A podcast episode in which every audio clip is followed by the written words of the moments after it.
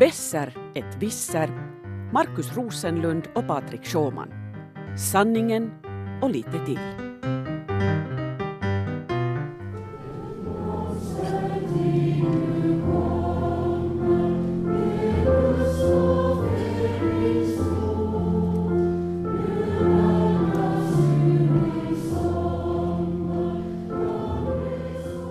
Ja, så sjöng Karleby skola. Men Markus, du ville lyssna på den här, varför det? No, det är ju lite den tiden på, på året nu, eller okej, det är lite förbi den, den tiden på året, men jag började tänka på min egen tid när jag senaste gången gick i en skola, om vi säger så. Sosso kom, Svenska social och kommunalhögskolan i Helsingfors universitet. Jag tror inte vi sjöng den Där, där sjöng vi nog Nej. inte. Nej, nej, vi sjöng nog, nog inte. Ja, vi har ju alltså båda råkat studera där också, så jag kan faktiskt säga det jag också. Ja, Eh, men, men i alla fall, jag började tänka på det här med dig och mig, alltså vi, vi har ju båda gått då Svenska social och kommunalhögskolan, vi har studerat journalistik där och vi kom båda ut i arbetslivet ungefär samtidigt, Eh, början av 90-talet. Jag, jag kom hit till, till Yle första gången sommaren 1992, vi var 20 stycken på kursen och två av oss, två av 20 fick sommarjobb inom sitt eget, mm, inom sin egen bransch. Det var jag och en annan. Och den här, det här var ju alltså mitt under den här, Det var, det var den här ekonomiska krisen i början på 90-talet. Den Den här- märktes verkligen. det, det här det här sydamerikanska lurviga djuret laman ju, Ja, som just det. härjade i Finland på den tiden. Ja. Ja. Men, men, den satte ju nog en väldig skräck åtminstone i mig. För, för jag menar 25 år senare eller så, här är jag fortfarande. För jag resonerar som så då att, att om jag nu, vet du, när jag en gång har fått in foten i dörrspringan här på Yle, om jag sen far någon helt annanstans, fast jag kanske mycket hellre skulle ha velat vet du, fara till Hawaii och, och surfa eller, eller till, till Sydamerika och, och fiska lax i, i bäckarna i, i Patagonien. Så, så nu kom jag tillbaka hit sen eh, och, och det där här har jag blivit, blivit kvar. För, för den satte sig så hårt den där skräcken att om jag, om jag går bort härifrån Yle så kommer jag aldrig tillbaka in, får jag aldrig en, en fast arbetsplats mera. Ja, jag, jag förstår precis vad du tänker på. Jag, jag hör precis det där. Nu är det ju lite speciellt förstås när vi är journalister att det har ju inte funnits kanske så många etermediebolag att gå till i samma bransch. Men, men det är faktiskt, jag tror också annars så är det här liksom uppskattningen av arbetsplatsen och den här tröskeln att bara kasta sig iväg, den har varit ganska hög just för vår generation. Så är det ju inte alls mera. Eh. Nej, dagens unga är ju liksom sådär, de har ingen aning om var de ska, vart de kommer tillbaka på hösten sen när det börjar blåsa kallt och, och, och så här. Och deras lojalitet mot arbetsgivaren är ju också en helt annan. Och det här eh, är ju någonting väldigt konstigt som hela arbetsgivarsidan och alla måste på något vis anpassa sig till en helt ny verklighet. Eh, jag har haft slag efter tolv här eh, som jag drar ganska sällan nu för tiden, men det var ganska intressant just om ledarskap och hur liksom företag borde svara på det här och också därför diskutera att, att vad är det som är så annorlunda nu? Om, om man tittar på den här generationen då eh, sätt som de som har vuxit upp liksom digitalt i en värld där allting förändras snabbare och, och som också nu har varit ute på arbetsmarknaden när det har varit väldigt svårt att få sådana fasta anställningar. Alltså det är ju, finns ju inte riktigt mera, nå, det är ingenting som folk så mycket siktar på för det känns så orealistiskt i många branscher. Att man skulle få en fast anställning. Och det är just det här som påverkar också den här lojaliteten. Och det här ändrar liksom på allting. Men, men på något vis låter det lite sådär som att, att eh, när jag hör på det här slaget till exempel, jag hade då eh, Barbro Teir som är ledarskapskonsult och så hade jag Richard Seljaku som själv hör till den här generationen eh, som är talangagent. Och det här är den här förändringen nu som kommer att också hela arbetslivet håller på att kantra över så att det uppkommer allt mer arbetsplatser där man så att säga lyssnar och leder nerifrån upp och inte uppifrån ner. Hur, då leder nerifrån upp? Ja, det är helt jättekomplicerat, jag förstår inte så mycket tänkte jag säga, men, men om jag nu säger vad jag förstår så är det så att du har alltså, du ska lyssna på dem som du har anställt. Jag menar, det är ju egentligen ganska fiffigt när man tänker på det, att i Finland har vi haft grundskola länge och folk har skaffat sig en hög utbildning och sen tar man de här människorna som är fulla med idéer och kan jättemycket i ett företag Och om man sen har en sån hierarkisk organisation som många företag fortfarande har, så är det ju så att så är det någon chef uppifrån som berättar mm. uh, hur allt ska vara. Och, och, där sitter man med en massa kunskap som man kanske inte alls klarar av att utnyttja i företaget. Att nu är ju tanken den, speciellt i sådana små startupbolag, uppstartbolag och så här liksom, att man har ett bra team, man väljer ett bra team och så ser man till att man får en bra arbetskultur i det teamet. Och sen är det inte så viktigt att vem som säger, utan bara man får liksom de här alla idéerna och får allt att liksom alla människor att bidra och kan utnyttja hela den kreativitet och hela den potential som finns i det här teamet och får en bra kultur till stånd, då har man hittat nyckeln till framgång. Mm. Och sen blir problemet när man börjar växa och man både måste vara liksom så här, låta alla blommor blomma men samtidigt gallra bland dem, organisera och ha toppstyrning och där blir det sen en svår balansgång för chefen att veta när ska man så att säga lyssna på gräsrötter och när ska man slå näven i bordet. Jag tänkte men, just säga att det, det, kräver ju nog en hel del trädgårdsmästartalanger i alla fall av chefen. Okej okay, att blommorna ska få blomma men vet du, annars snart har du fullt med nässlor och och klängrankor och som stryper alla andra blommor. ja, jag förstår din, det blev väldigt mycket trädgårdsskötsel här som, som jag ingalunda vill påstå att jag är väldigt stor expert på, men, men, men, men det är ju just så här det är alltså att, att man måste ju arbeta mot gemensamma mål. Alla, man kan inte ha ett företag som består av en massa små celler som alla sysslar med någonting helt eget och inte har någon kontakt med de andra och inte lyssnar på de andra och alla bestämmer själva vad de gör. Ska, ska vi jämföra, ska vi ta ännu en metafor? vi säger, leker att det här är en stor en galär, en stor roddbåt med massa människor som sitter vid årorna och ror.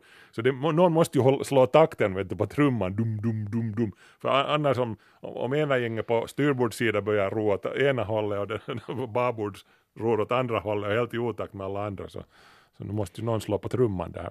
Ja, utom att, nu, nu, nu föll vi tillbaka, det är du och jag är från 1800-talet, Marcus. det är just det, vi tänker just sådär.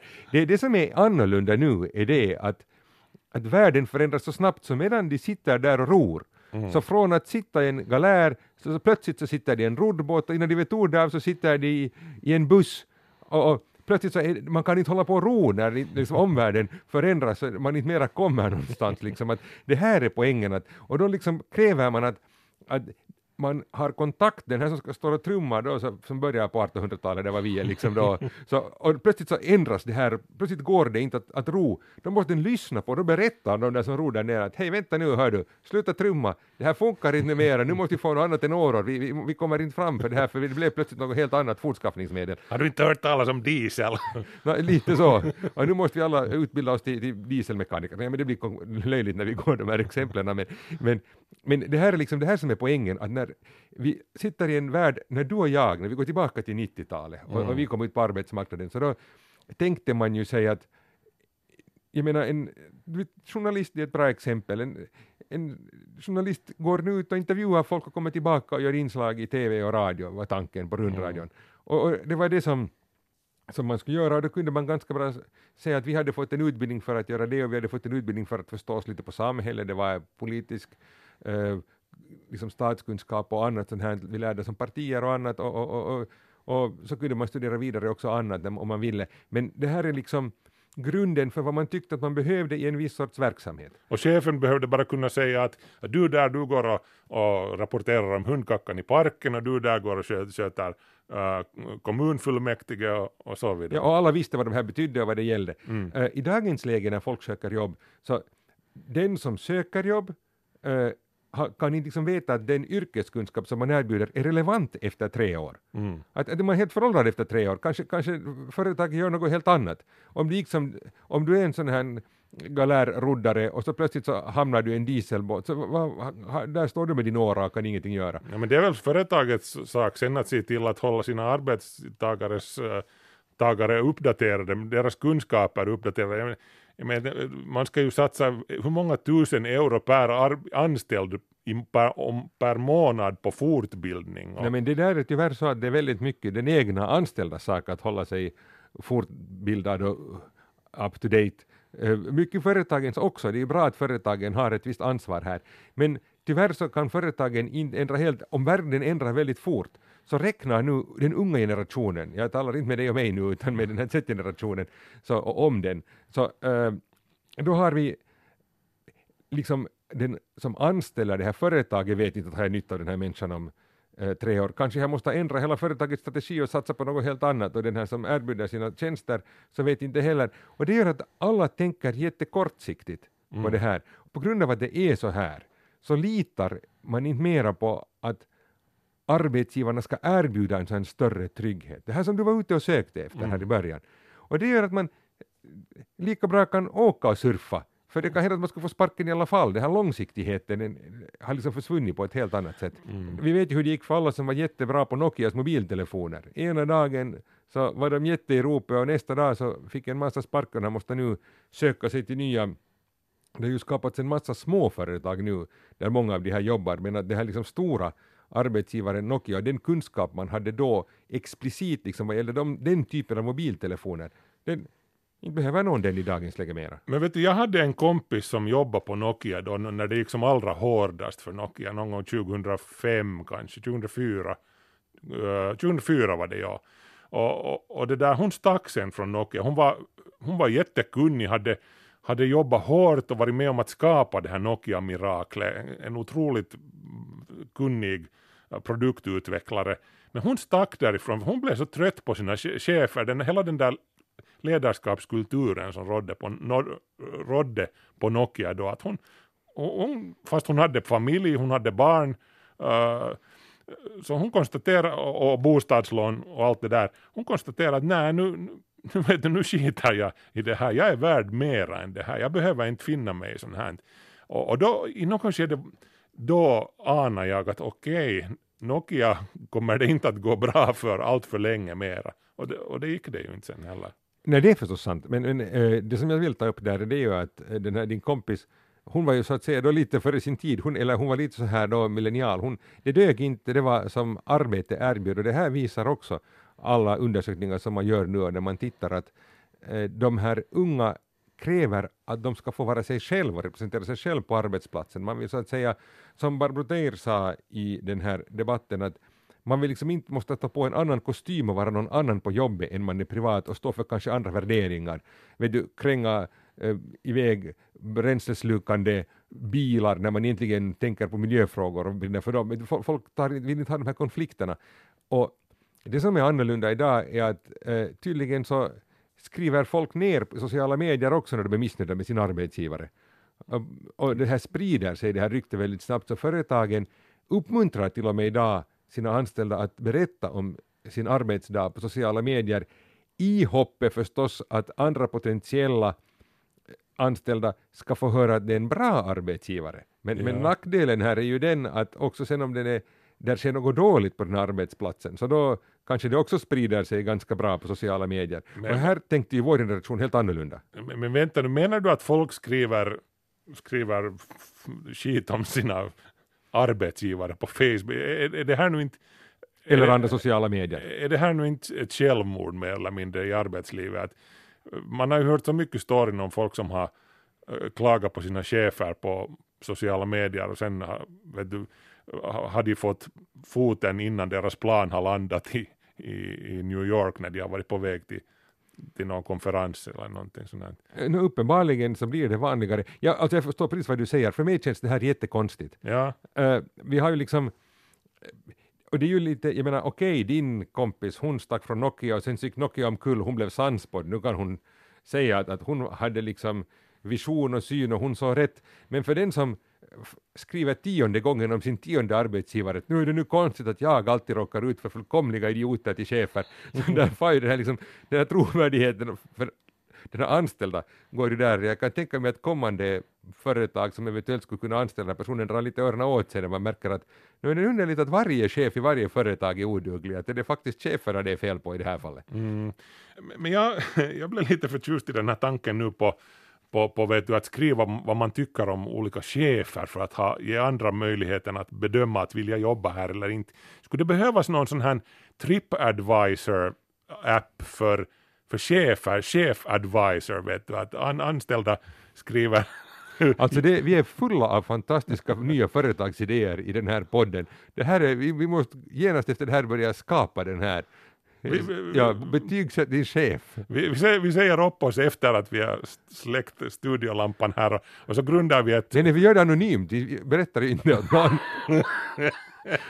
börjar med att bedöma våra egna Det, det var ett sammanträffande. De, de råkar nu bara få en eller två stjärnor.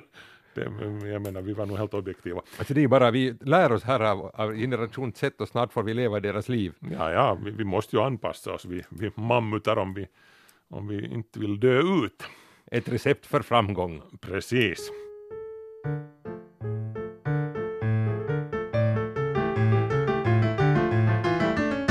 Hör du, vet du vad, vad annat jag kommer att tänka på när jag hör det här Den blomstertid nu kommer? No, Jag, jag, jag tänker på, på vad den egentligen står för, vad den egentligen betyder och, och det är ju, det är ju en, sommar. Nej, potatis. Alltså okej. jag sa, vi, vi sa ju i början att den här podden skulle handla om, om jag vet, du sa det, men hur får du ihop det med blomstertid? Den blomstertid eh, skrevs 1694, eller det vill säga melodin eh, är betydligt äldre, den sägs basera sig på en 1200-tals profan eh, världslig erotisk dikt eller någonting sånt. Men, men i alla fall den här svenskspråkiga texten skrevs 1694 av en gotländsk biskop vid namn Israel Kolmodin 1694 det var ett väldigt jobbigt år, eller det var en lång räcka med jobbiga år. Hela slutet av 1600-talet var otroligt eländigt med återkommande hungersnöd, svält, farsoter, allt sammans. Ah, jag tänkte du skulle säga dåliga chefer att betygsätta. No, det också, no, men på riktigt, alltså chefskapet på den tiden, det var, det var ju riktigt ruskigt uh, dåligt, det var eländigt dåligt. Uh, uh, ja, men alltså det här var lilla istiden, den så kallade lilla istiden som började där i på 1300-talet ungefär och pågick till 1850 ungefär. Så det, det, var kallt och eländigt, skördarna slog fel hela tiden, det var hungersnöd. Speciellt 1600-talet var riktigt asigt dåligt. Eh, uh, 1695 till 97 hade vi här i Finland en av de värsta svältkatastroferna någonsin. Alltså sett till mängden döda jämfört med den totala befolkningen så, så har, är det väldigt få uh, svält uh, hungerkatastrofer som ens i, i, dagens läge kan mäta sig med det som skedde då. Finland miste någonting i stil med en tredjedel av sin befolkning under de, de här två åren, två, två tre åren. Det, det var en riktigt brutal. Uh, ja, det var inte lite. Jo, nej, det var, det var hemskt. Och, och, och det där, orsaken var ju förstås att span, de olika spannmålssorterna de var vet du, känsliga för frost, frost. Somrarna regnade bort så kom frosten tidigt och, och, och det där så fick man blanda bark i brödet och sen till slut så var det inte något annat än bark i det brödet vilket täppte till eh, uh, matsmältningsorganen och så dog man en plågsam död och, och, och elände. Så, och, och vet du, den blomstertid dök alltså upp i den finska, finländska psalmboken eh, uh, 1701. Och du kan tänka när de sjöng då, det där om den sol, blida sol som uppväcker allt som har varit dött.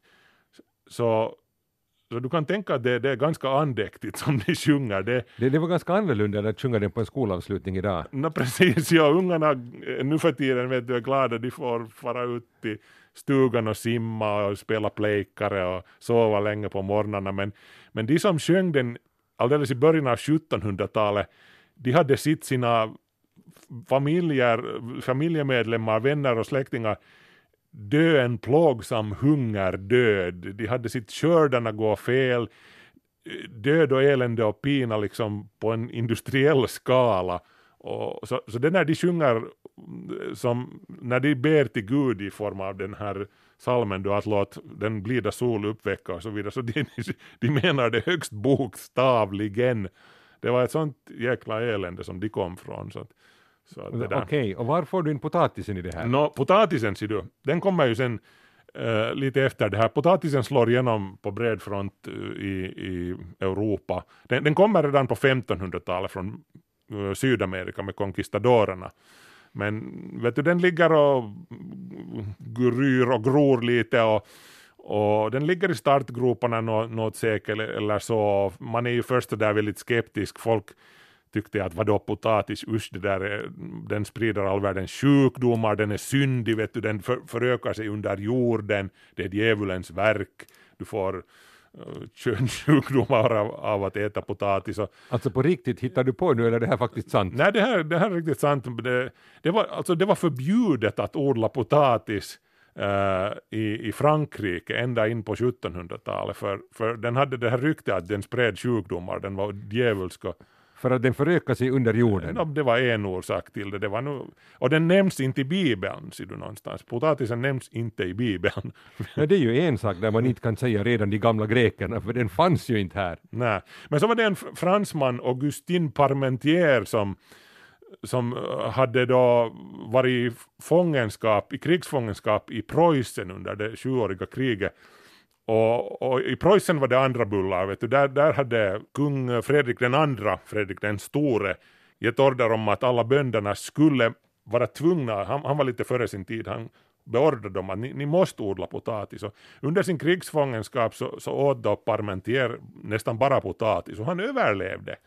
Och så kom han tillbaka till Frankrike och, och han, vet du, han lyckades nästla in sig i, i kungens och, och, och drottningens, Marie Antoinettes gun, han fick deras gunst och lyckades övertala dem om att ser du, det, här är, det här är morgens, det här med potatis, det serverades uh, potatis för dignitärerna på, på vad hette nu det här slottet i Par, vad hette nu? Alltså Versailles. Versailles, just det ja. Det, det serverades putis där och det var fint. Och, men, men allmogen var ännu sådär att oj, oj, oj, potatis, inte kan vi ha det här. Så Parmentier satt vakter kring sin åker uh, i, ute i väster om Paris och, hade vakter där och, och vaktade den här att kom ni inte hit bara och ta mina potatisar. Vet du, det är ju bästa sättet att få en fransman att göra någonting, att förbjuda dem att göra det. Så fransmännen tog potatisarna om nätterna och, och på det här sättet spred sig den. Sen kom den, på 1700-talet kom den upp hit till, till Finland också. Det, det var, Men nu kan vi alltså då slå fast att, att Marie Antoinette, i det fall hon skulle på riktigt ha sagt vad hon tillskrivs, att varför klagar folk att de inte har bröd, har de inte bakelser, så skulle hon ha avsett potatisbakelser. Marie Antoinette lär ha gått omkring med potatisblomster bakom öra i parken i, i Versailles. Parmentier gav potatisblomster bakom öronen. Det här blev en stor modefluga i, i, i Frankrike sen. Och det där. Men, Men, i alla fall, men, en snabb fråga, var det inte hungersnöd som ledde till franska revolutionen? Eh, Fick de inte ut den här potatisen i tid eller vad var problemet? no, det var dels hungersnöd, ja, men, men det var mycket annat också som, som det var det hela där upplysningstidens i- Jag klarade det hela den tanken. Ja, ja. sättet. Eh, Men i alla fall, alltså, efter att potatisen kom så var det mer eller mindre slut på de här återkommande, de här, vet du, innan det här hade hungersnöden varit en återkommande gäst som år efter år mer eller mindre under den, den lilla istiden. Men eftersom potatisen har en så, ett så högt uh, uh, kalorivärde per hektar, alltså du får ut massvis mera kalorier per hektar från potatis än från, än från vete till exempel. Plus att du inte behöver något specialredskap, du behöver inte, trö- du behöver inte tröska, du behöver inte torka potatisen, du behöver inte göra någonting med den. Du kan ta den direkt ur jorden och, koka den i en stor gryta åt hela din familj och där har du det. Det är mycket bättre än, än spannmål. Dessutom när, vet du, när fiendens trupper kommer in och, och bränner din veteåker så då, då är du ju illa ute för då har, då har din mat brunnit upp men det är lite svårare att bränna upp potatisarna för de ligger där under jorden. Men tänk vad man lär sig, jag trodde att det var så att äh, potatisen slog igenom därför för att man kunde göra brännvin av den. Precis, det, det gjorde det. Bland annat i Sverige så, så upptäckte grevinnan Eva Ekeblad sambandet mellan potatis och sprit. Hon valdes in i Svenska Akademin som 24-åring för att hon hade upptäckt att man kan bränna sprit på potatis. Snille och smak. Ja. Men det här, det här ledde till faktiskt att, att svenskarna började bränna sprit av potatis som galningar. Det ledde till att landet alkoholiserades. Men det ledde också till att de märkte med tiden att man kan äta den här saken. För de, de drack upp det potatisen långt före de åt den. Men liksom alkoholiserade men vid liv. Det är en ganska bra poäng. okej, det är eh, vilka val man nu har att välja mellan här. Lite tillbaka till den här, varför räddade det här inte då den här franska revolutionen, ändå, om den här potatisen är så här bra, varför fick, om Marie Antoinette som nu har tillskrivits det här bakelsecitatet, fast det vad jag förstår inte riktigt, det kanske så att det är hon som har sagt det, om någon har sagt det, men det där, äh, det är ändå så att, att aristokratin fick ju bära hundhuvudet nu för att de hade det så svårt i allmogen i, i Frankrike. Men om de ändå tog in den här potatisen, hade det ingen effekt på det här? No, nu hade den ju en effekt, den räddade många från hungerdöden också. Och revolutionärerna, alltså eh, den franska revolutionens eh, revolutionärer, de, de tog ju vet du, potatisen till sitt hjärta omedelbart. Det, det var ju de som sen satt fart på spridandet ytterligare av, av potatisen. Parmentier som hade då varit potatisens pionjär i Frankrike, han, var ju, han blev ju en revolutionshjälte sen. Han, han, han var ju revolutionärernas bästa kompis sen efteråt också. Att han, han, han var på det viset ovanlig att han, han gillades både av den här gamla rojaliteten plus sen dessutom också revolutionsmakarna, de, de var ju också hans bästa ko kompisar sen. Han skulle ha fått bra eh, då, sådana poäng på sociala medier i dagens läge. Alla skulle ha, alla skulle ha gillat honom. Eh, tyvärr så, så eh, om jag nu tänker, där är en lite konstig åsnebrygga till vad vi talade här tidigare. Den franska revolutionen med alla de här förnyelserna som kom, och med potatis och annat, så inte ändrade den ju ledarskap eller förändras Frankrike, alltså på lång sikt gjorde den det, men det kom ju sen Napoleon och annat, det kom ju en sån liksom rekyl kan man säga. Det här gamla totalitära väldet kom tillbaka sen efter revolutionen. Ja, det blev ju hård baksmälla sen. Att inte, det blev ju, det blev nog på lång sikt blev det ju bättre. Alltså Europa eh, tog sig i, i, kragen efter den lilla istiden. Det, det började med den västfaliska freden 1648 efter det 30-åriga kriget när, när folk, Europa hade liksom haft ihjäl åtta miljoner av sina sina invånare, så, så blev man tvungen att skärpa sig och vet du, nationalstaten föddes, diplomatin föddes, all, allt det här, men det tog länge. Det, det är egentligen först sen på 1900-talet som efter ytterligare några stora förödande krig som, som det börjar slå rot ordentligt, de här, de här tankarna som låg bakom den franska revolutionen. Så om vi nu har en sån här stor revolution idag i arbetslivet och nytt ledarskap som kommer in, så vi ser ju ändå det att eh, det är ju i nya organisationer som det händer. I gamla företag är det väldigt svårt att ändra på allting. Och ett, det kan hända att vi får en rekyl här också. Kanske mm. 1800-talet kommer på ett besök igen innan vi går in i en ny värld i framtiden. Jag är lite rädd för att du har rätt i det.